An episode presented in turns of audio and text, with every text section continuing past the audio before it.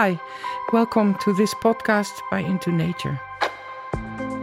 This this was built uh, by giants, and you know the hunebeds, which are these dolmen stones, um, which are these like, incredible fixtures. They're like these. They're so like they have so much energy to, to them. I feel when I visited them, I was like, wow, these are amazing.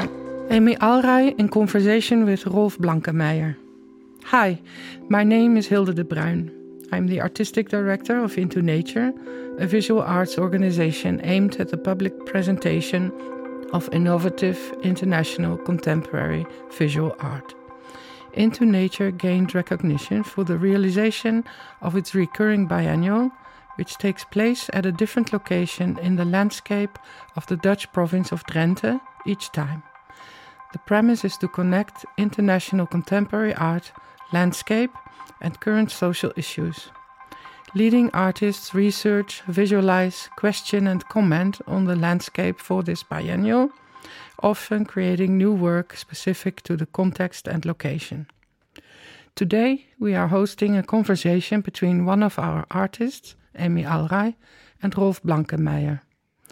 Rolf Blankenmeijer is an amateur historian who collects, studies, and publishes about historical maps and previous authors on archaeology. His articles appeared in various magazines and outlets, including Caert-Thresoor, Tijdschrift Boekenwereld, and The Verniaan. He wrote, amongst others, an article about maps of the mythical city of Hunzo in Drenthe. Ever since the Vicar Picardt wrote about it in 1660, Hunzo has become a permanent part of the myth formation about Drenthe's past. It is the story of the great and prosperous city that once lay somewhere in southeast Drenthe and was wiped out in its entirety by the Vikings. Folk tradition and excavations formed the irrefutable proof, so to speak. Emii Alrai is an artist who primarily works in sculpture and installation. She combines materials like clay, glass, and cardboard, iron, to create large scale installations. With elements that are broken and incomplete, these installations straddle the line between the polished museum aesthetic and the impression of an archaeological digging site or archaeological findings. With these works, she examines themes such as social memory, criticism of established hierarchies, such as the museological structure, and the complexity of ruins, relating to history and nostalgia. Her inspiration frequently comes from the natural world and the study of archaeology. She's currently developing new work for the next edition of Into Nature's biennial, which will take place in 2023 under the title Into Nature Time Horizons. Emii and Rolf have met before during a previous research trip by Emii, and the conversation between the two of them will head off uh, with the topic of imagined landscapes and mapping versus the historical object and artifact.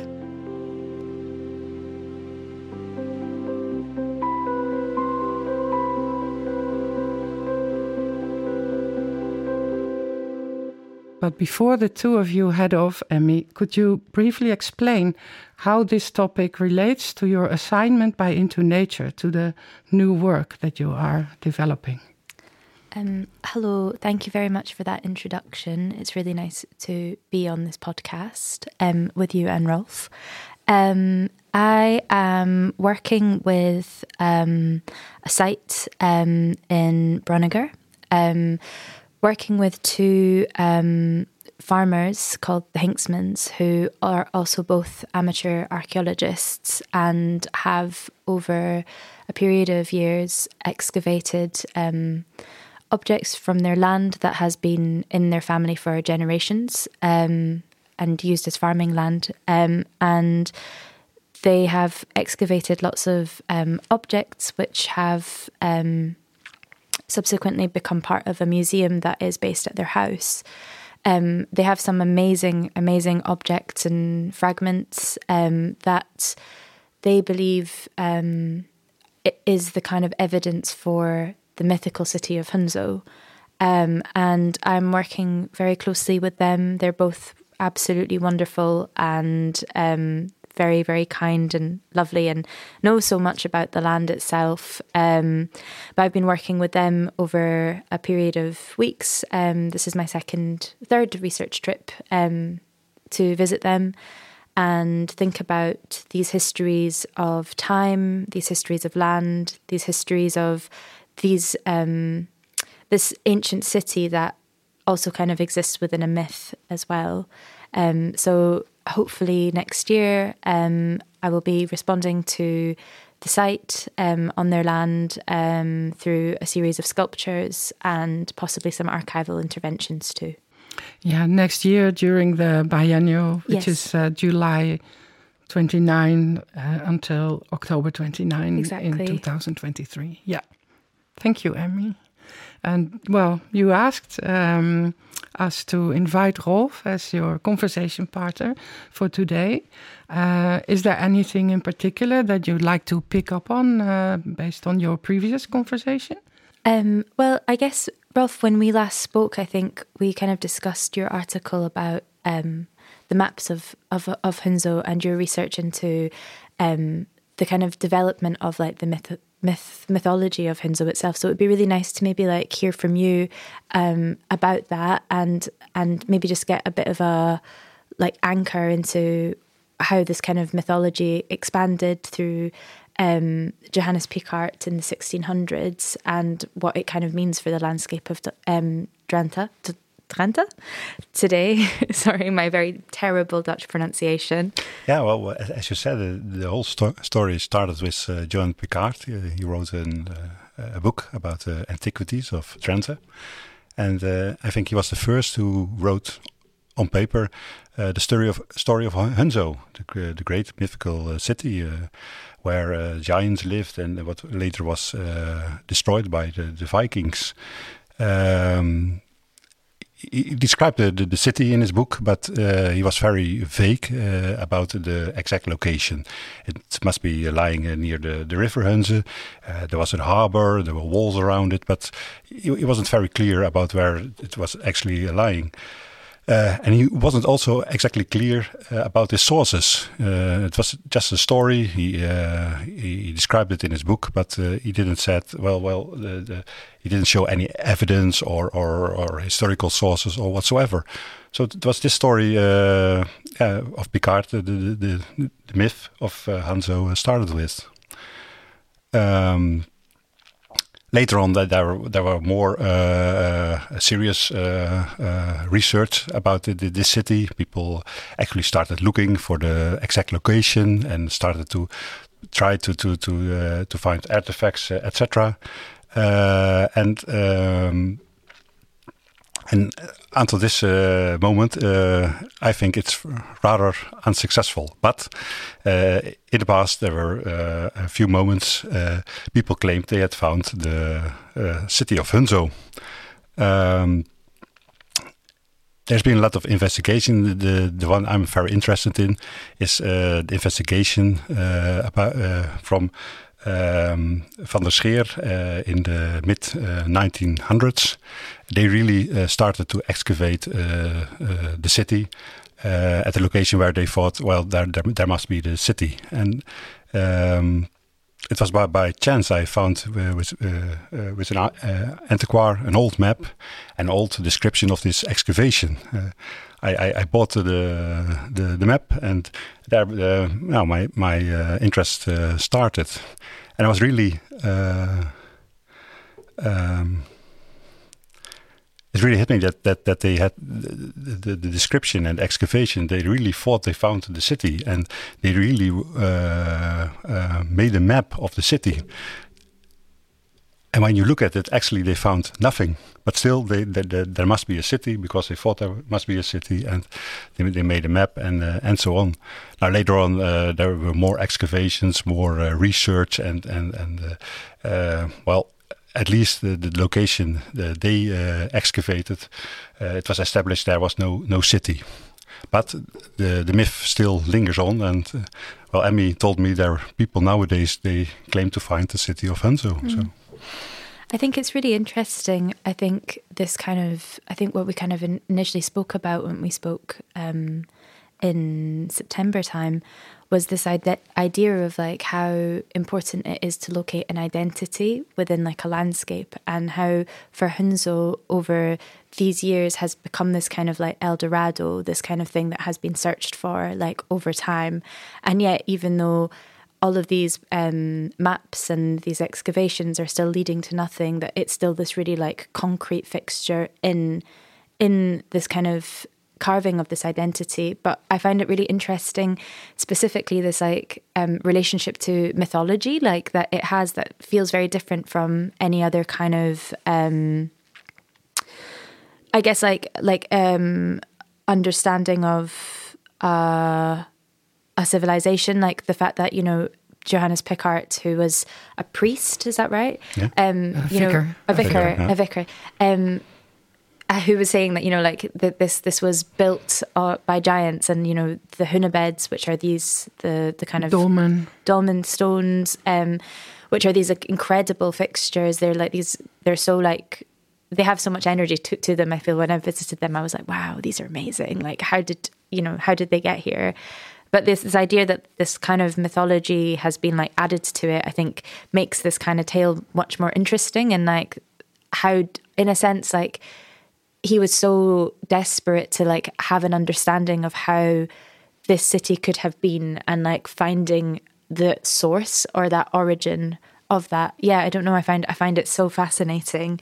But i think we we kind of spoke quite a lot about um this idea of like how important it is to locate like our origins and identity through that. And yeah i was quite interested in in in the conversation we had around mapping and and how that sort of like has kind of created more of that conversation Yeah, I remember we, we, we, spoke about uh, the identity and, and we spoke also about uh, the, the, the way the, the Netherlands was divided. Huh? The rich west, where, where all the big cities lies, the trade, uh, the agricultural, and the poor east, where people thought, well, there was nothing. It was thinly populated. It was woest and ledig, wild and, uh, and empty.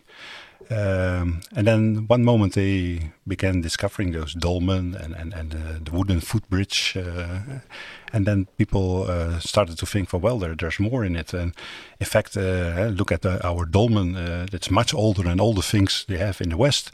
So, uh, so after all, uh, there must be have been a great culture in, in, in Drenthe. eh? We we're not that empty. We're not that. Uh, we have we have also a history. So they started discovering their uh, their history, and they and they were really focused on it. And even Picardt, he, in his book, he writes somewhere. He said, "Well, all people uh, are uh, looking to other cultures, to other countries, and, and and the big things there, but they don't see when when you're in Drenthe, they don't see the things uh, that can be seen here." he described a scene. He said, "Well, people are standing on a little hill and looking around and thinking they see nothing, but still, they they don't uh, re- uh, realize that under their feet there can be a treasure." He started with it, and I think that's also the, the, the also the story with with Hanzo.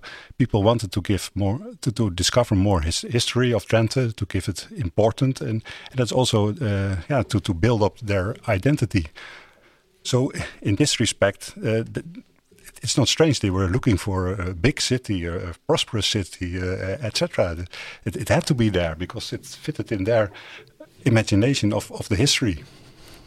for sure and i think i think there's something that's really interesting also like about about this idea of like how this identity like becomes formed and how important it is to have this like locator of like the past and i think because a, a lot of the work that i do is so um linked to this idea of memory and like how you know i feel like memory is so sedimentary and like how we're always consistently looking for these like things that relate us to a past to like almost um rationalize like the experience of like existing within the present.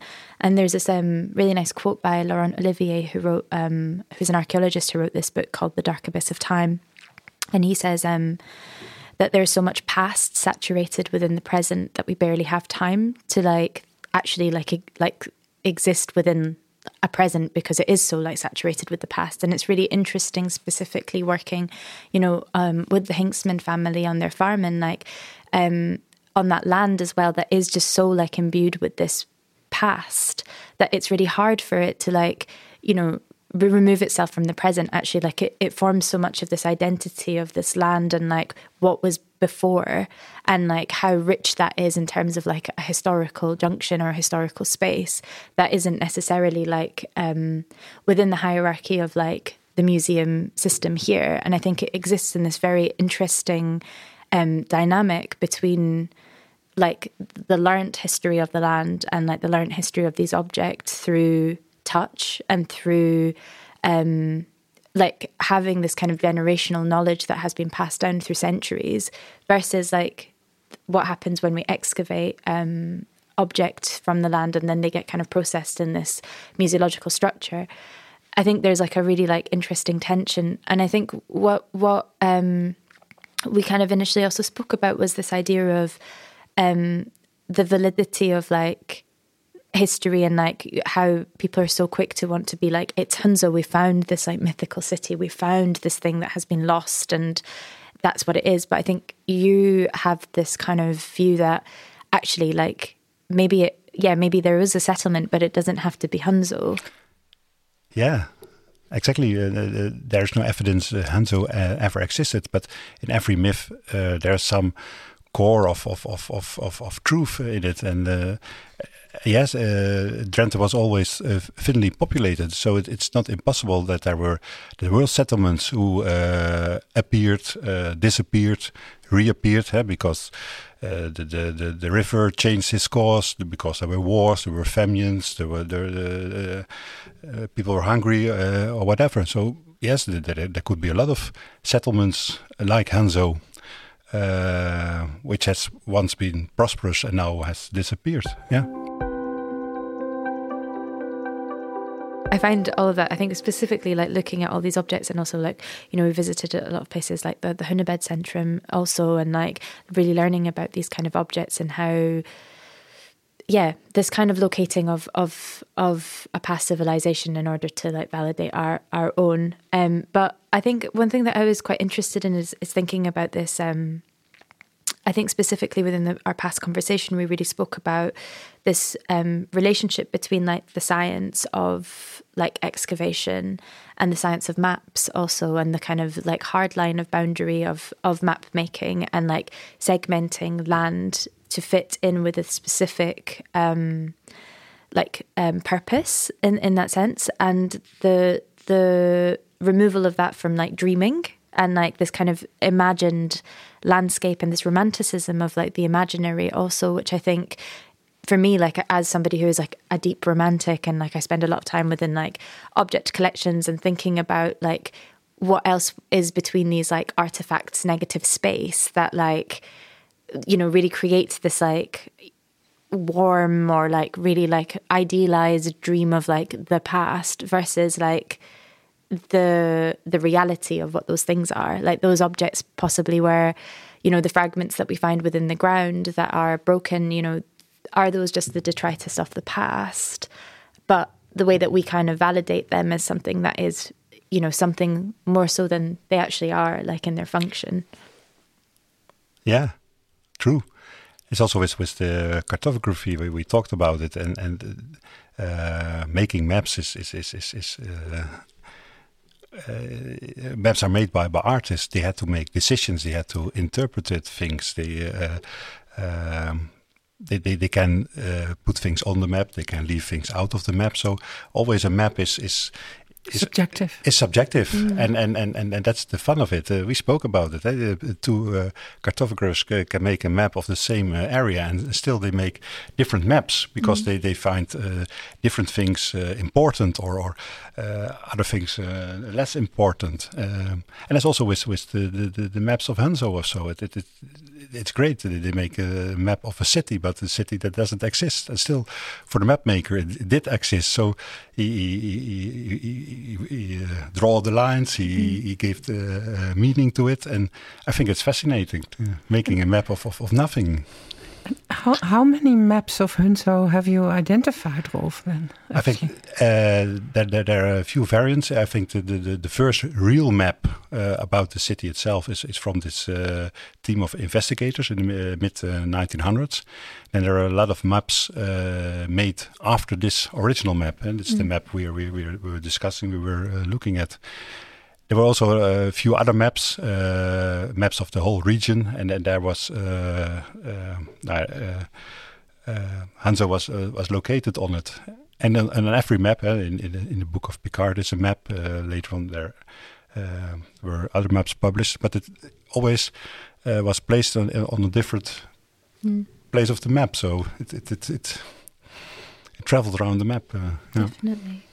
I think it's so interesting with maps. Um, I think one thing that I picked up from our previous conversation was this idea of maps being choices yeah. and and how there is like within those choices they suddenly become valid and i think you see that also like within the practice of archaeology also so like the excavation of certain like tells or certain sites when a lot of these like uh, pottery shards were found i think it's called something like shared diagnostics um, an archaeologist would find like the most whole item and then anything else that was found that was broken would be kind of based on um, the, this kind of like the first whole thing that was found. And and I think that it's really interesting how we kind of digest history as something that is very static um, particularly when we I don't know when we, we see it in like museums and we see it within that context that actually like we forget that there's so much imaginary still involved within these kind of like locatives of of of of these like stories. Um but i feel you were about to say something possibly. No. But um yeah i, I think um another thing that i find really interesting um I think specifically in the regards to this this project, like as well as like a kind of wider discussion around like museology and that versus like amateur like understandings or learnings. It is what defines that line like what is that boundary that like stops something from being like active and present as it is um and i think i don't know maybe this is a very tenuous link but i think you know sometimes when i think about maps um because i'm really also interested in cartography although like i don't know heaps about it but i think it's really interesting how something that is so fluid and not rigid or regimented, such as a landscape, can be like broken down into these kind of very like intricate squares and like how actually it, you can't contain it. Like it's it's a territory that or like a terrain that can never be contained within like these lines of maps. And i think how that kind of like floats into these understandings of rigid histories and the histories which we think of our as correct and how they become kind of institutionalized as well.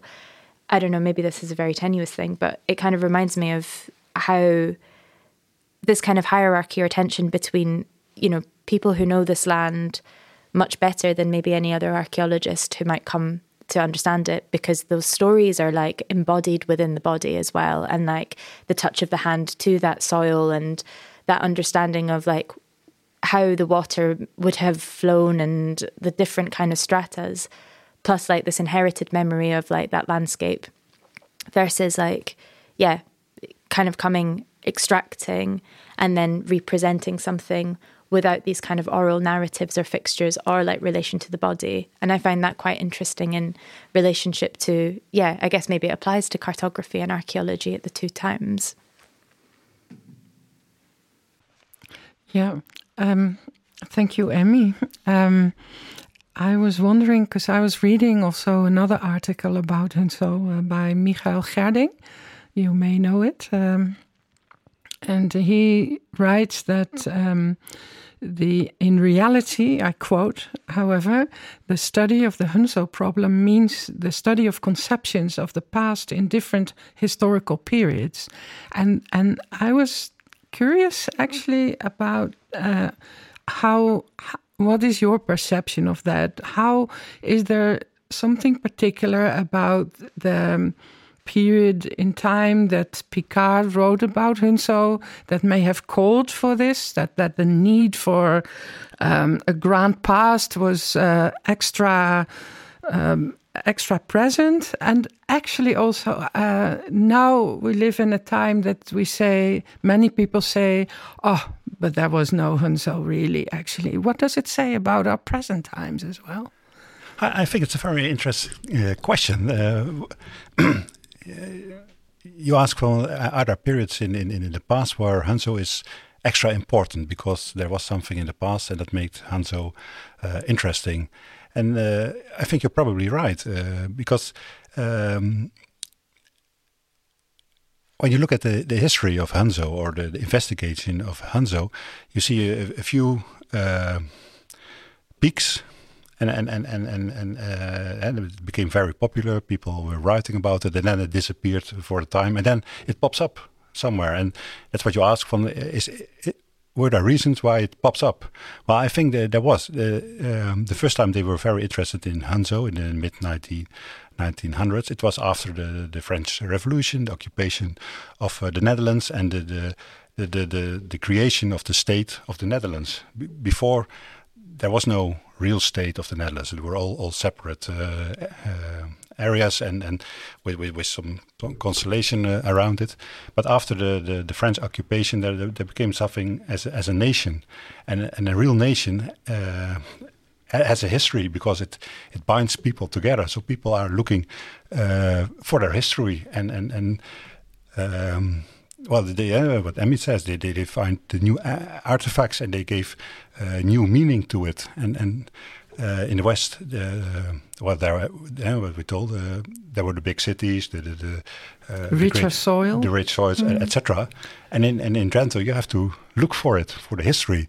And I think that that that that that uh, that idea of nationalism to to look for for your own past that that nation fits, building, nation mm. building, yeah, that fits with with the first wave of of Hanso. Later uh, you saw it also after the Second World War. Then it also became popular. Uh, the, the, the, people uh, started uh, looking for, for, for the past, and also Hanso um, uh, became uh, yeah, a, a topping. Mm -hmm. Yeah. Yeah, there was a re recurred interest in yeah. in Hanso. Yeah, so that that was connected to a war, and after a war, you you may say you need to probably people need to kind of recuperate. Uh, yeah, find and, new and meanings. Find new, yeah, yeah, yeah, and maybe glorify a past where everything mm. was better, bigger, uh, greater, mm -hmm. more gold. Uh, who knows? Mm. Yeah. So That's really like like kind of looking back with these kind of rose tinted glasses about this yeah. kind of um, yeah this this past that contains so much more than now. Yeah but that, but that's then I think the, the, this is the, the story about uh, history. Uh, we, we we do it all day. Uh, in the the 1900s, uh, we make uh, big statues of uh, big white men who conquered the world. Mm -hmm. that was in, in, in, this period was was important to to look at those bronzes and great men. Now we look at the same bronzes and we say, well, those were people who were who uh, uh, became rich with slavery, who conquered people, mm -hmm. who uh, suppressed people. Let's let's move them out, like in England.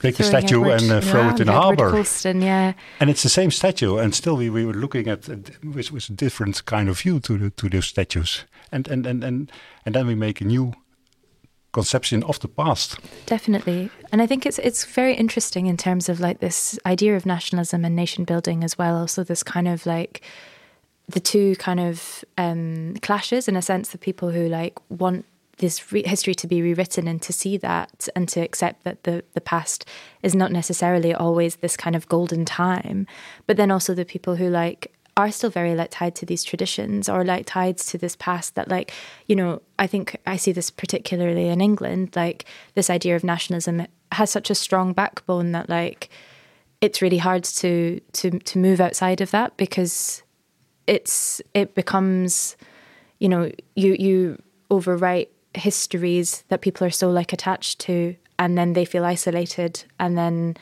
I don't know. Uh, there's like a huge kind of discussion around it. Like, I mean, I'm very like pro like chuck Edward Colston into like the water. Like, that's fine. Like, it's okay for history to move and like be re rediscovered in different ways. And I think that that's what's very powerful about that. Yeah. but it, it, it's great, but it's also very confusing because when you when you're young, you learn history, and, and, and history is something about the past. It, it, it it's it, it's gone, it's over. So you think it, mm. it must be solid, mm. and then and then uh, in the years, uh, the past changes. It, it's great, and and the first time I, I heard about it, I thought, well, it's it's impossible. Past is past, and facts are facts, and uh, and uh, well, you can't change it. But of course, you can change it. And when you realize it, you have you have to see it. Eh? Mm. When you see uh, you, you you read the history books, it's all about men, powerful men. Yeah, definitely. And and nowadays they say, well, but there were also very important women. Uh, why? Uh, but they're not in the history because. And why are they not in in the history books? Because they didn't exist because we didn't look for them. Mm. So nowadays they they start to investigate the role of, of, of the women in, in, in, scientific things, in political things, and they rediscovered things and they're rewriting the past. I think that that's very good. Yeah, definitely. Absolutely. It, it, sorry, I feel you were going to say yeah, something. no, I was just thinking like, does the past then change, or does it perhaps maybe just become more complete to us? And well, I don't think it's it's it's it's something to do with complete. It's just what what what we need of the past. Eh? Now nowadays, uh, we we have more uh, a better understanding of diversity about everything. So we want also a diverse past. But we also have uh, before the war. Uh, uh, the, the, the, those horrible regimes, they, they also uh, leaned back on, on the past. They, they, they, they picked out their pieces of interest They put it together to make their past with with, with horrible uh, uh, consequences. Definitely. So I think that that's past. It, it's all combining uh, of elements. Yeah, yeah, but more elements than before. I was trying to say we, we can't forget about the um, slave traders and the the, the white man uh, and so on, because we literally still live off the. Um, profits uh, from from from that period yeah. of time um, so so so I was thinking that maybe maybe the the present um, we're slowly gaining a more complete picture rather than that the past itself maybe uh, isn't changing, but but mm. the uh, the perception that we have of it uh, is becoming more more complete.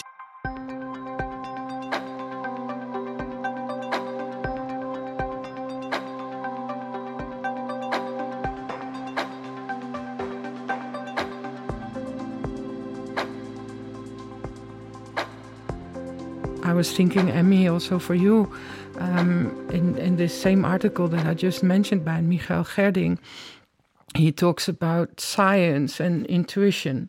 And uh, he says, where science endeavors to deprive us of illusions, um, to combat superstition, uh, intuition reserves space for visions and explanations of the unknowable, uh, the mysterious, the elusive. Is this where you would also like to position your own work? Uh, or would that be overly romantic?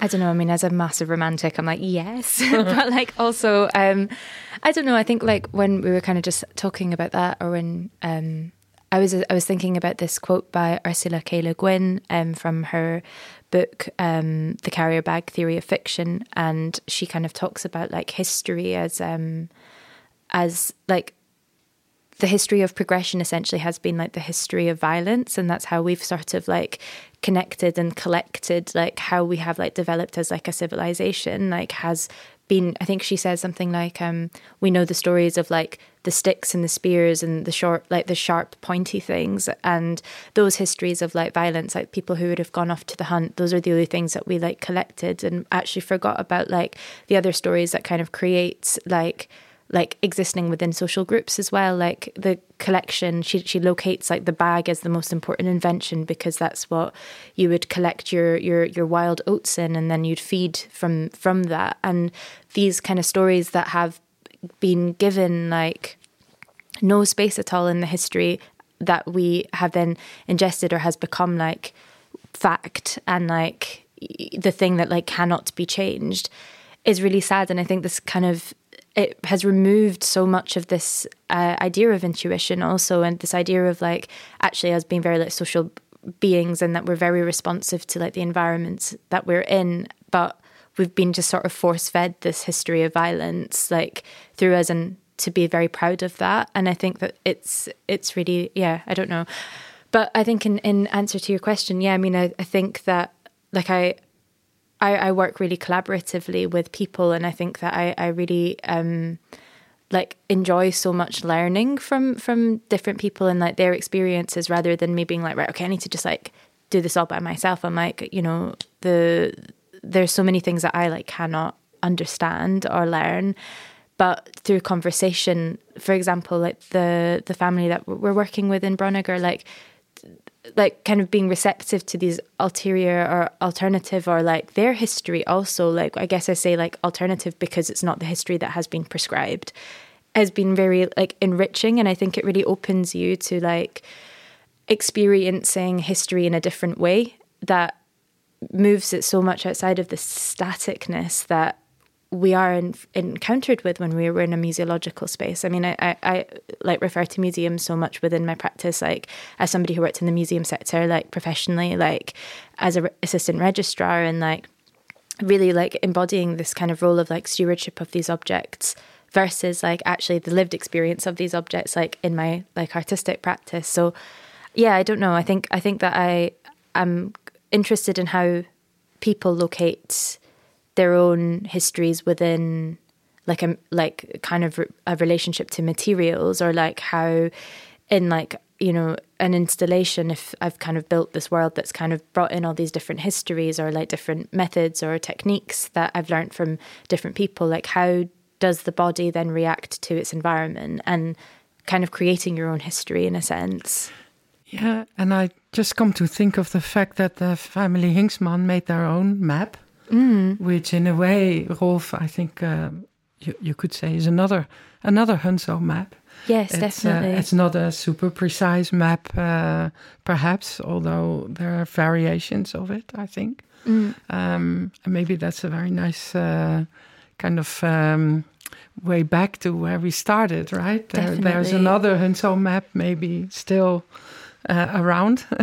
yeah, that is um, uh, to say that part partly uh, he um, they like to show it, mm. but I think there are also more detailed maps uh, that. Um, that uh, that are, that they keep to themselves actually. I think so, but I think that the maps are beautiful that that Lammert specifically has made, and they're like they they really I think what they those maps specifically do, I think they really kind of create this environment. I think for me, like, and possibly because they're not they're not necessarily like a cartography map. They're like very like intuitive, and they're really like in line with like the land and you know you can visit the place and you're like oh okay like i see this is where these things were found and like that's how this civilization was was living and it's it, becomes this really experiential like experience when you're on their land and walking through that and being like, yeah, okay, like I can connect to this and this makes sense and it's it's really sensory it becomes, I think.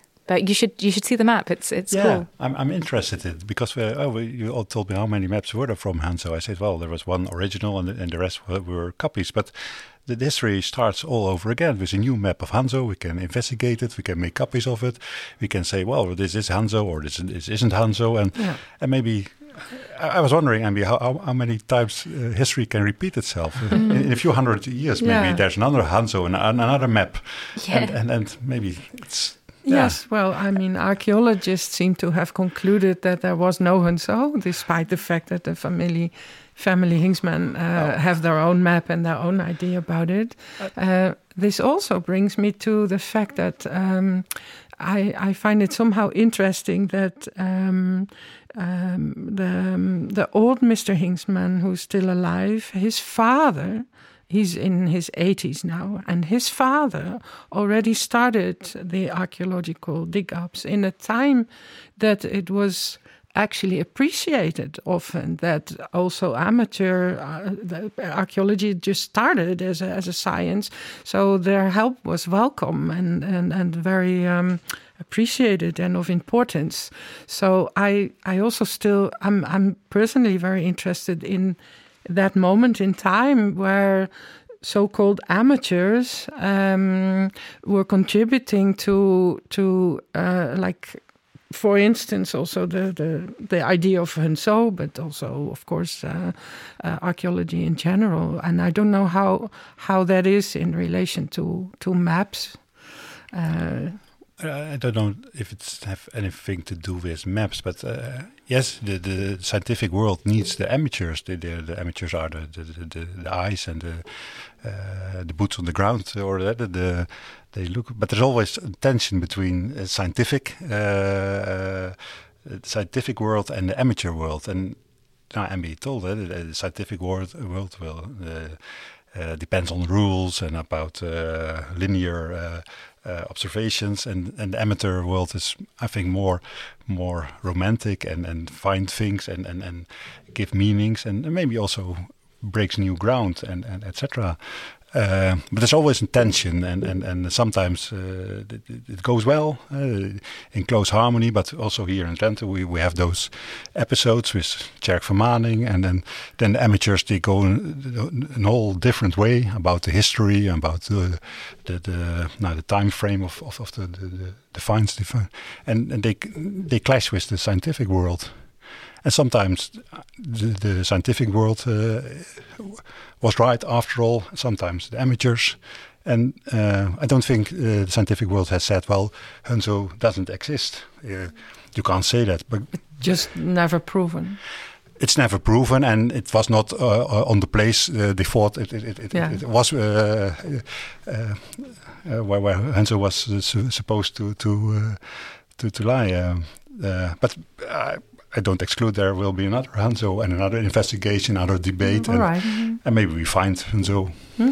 And, and, do you think that it could be built by giants?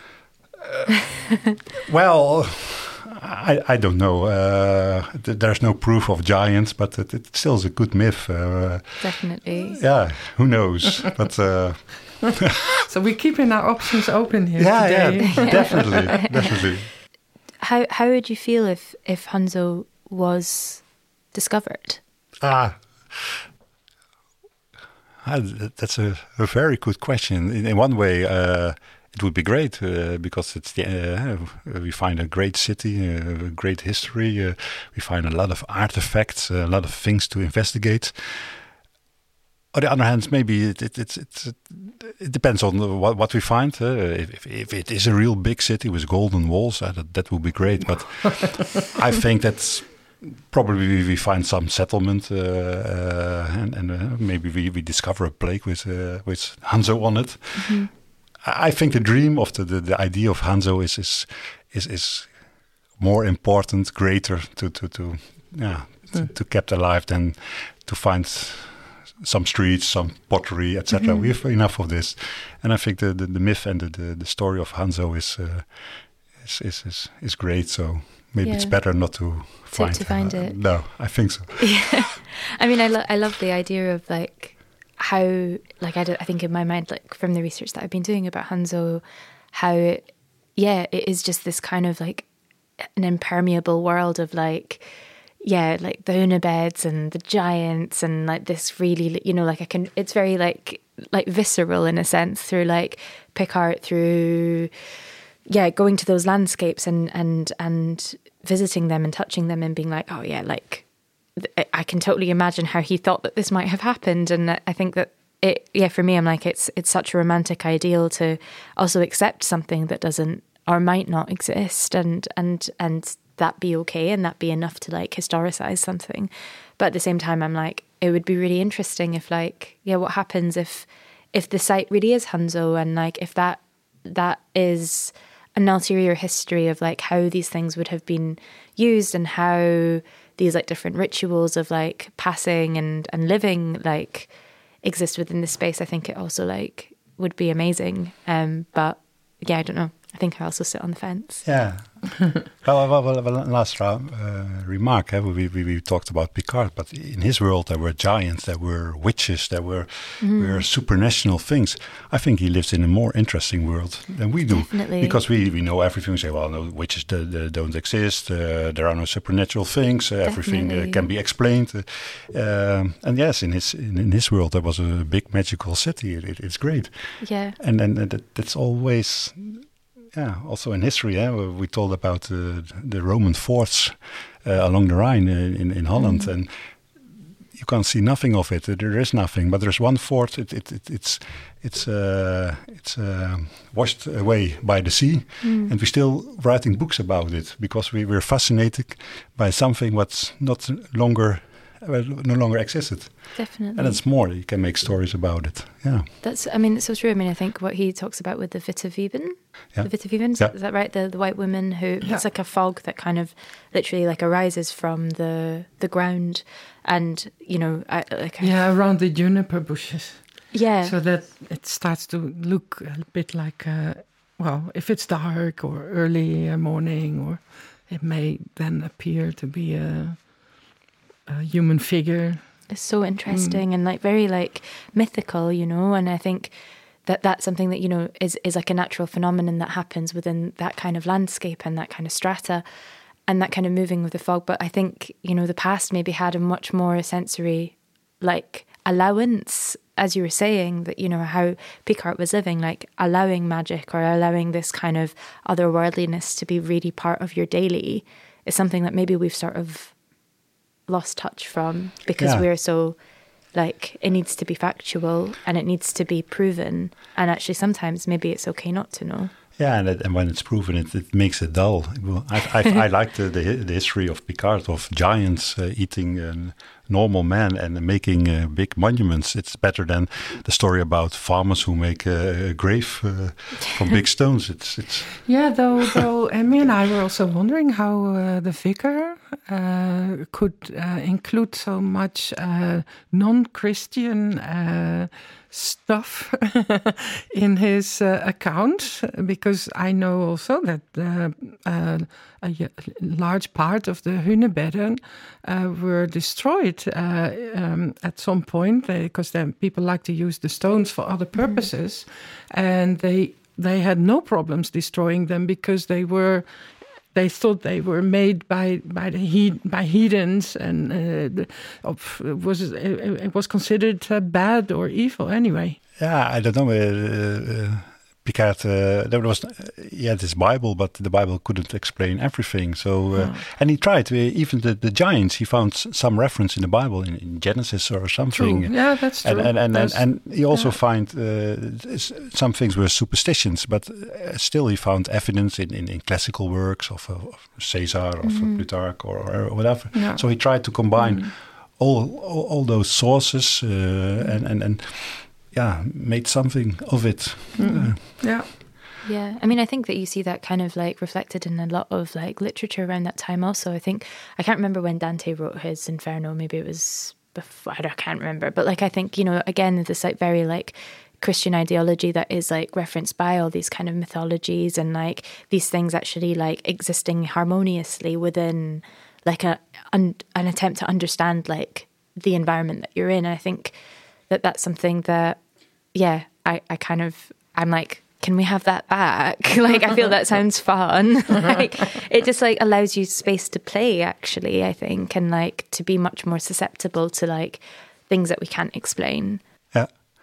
Well, maybe we do it uh, still this, uh, in, in this, uh, till this day you looked at the Bible uh, uh, explained a lot of important things, creation of the world, everything. But the little things, the the, the fog, uh, yeah. it's not in the Bible. So True. you have to uh, yeah. you have to look for other things. And, yeah. it's it's not I think against the Bible. It's more it's supplemented more. Uh, sure, yeah. Mm -hmm. sure. Mm -hmm. And uh, yeah, well, we laugh about it. You call it romanticism, but these days we, we do it uh, again. Eh? We we also have politicians who who uh, believes in uh, reptiles from out of space, etc. Et oh, yeah, so about this, I mean, don't say it's over. Uh, yeah, yeah it's not so romantic. That's true. No, that's true. That's true.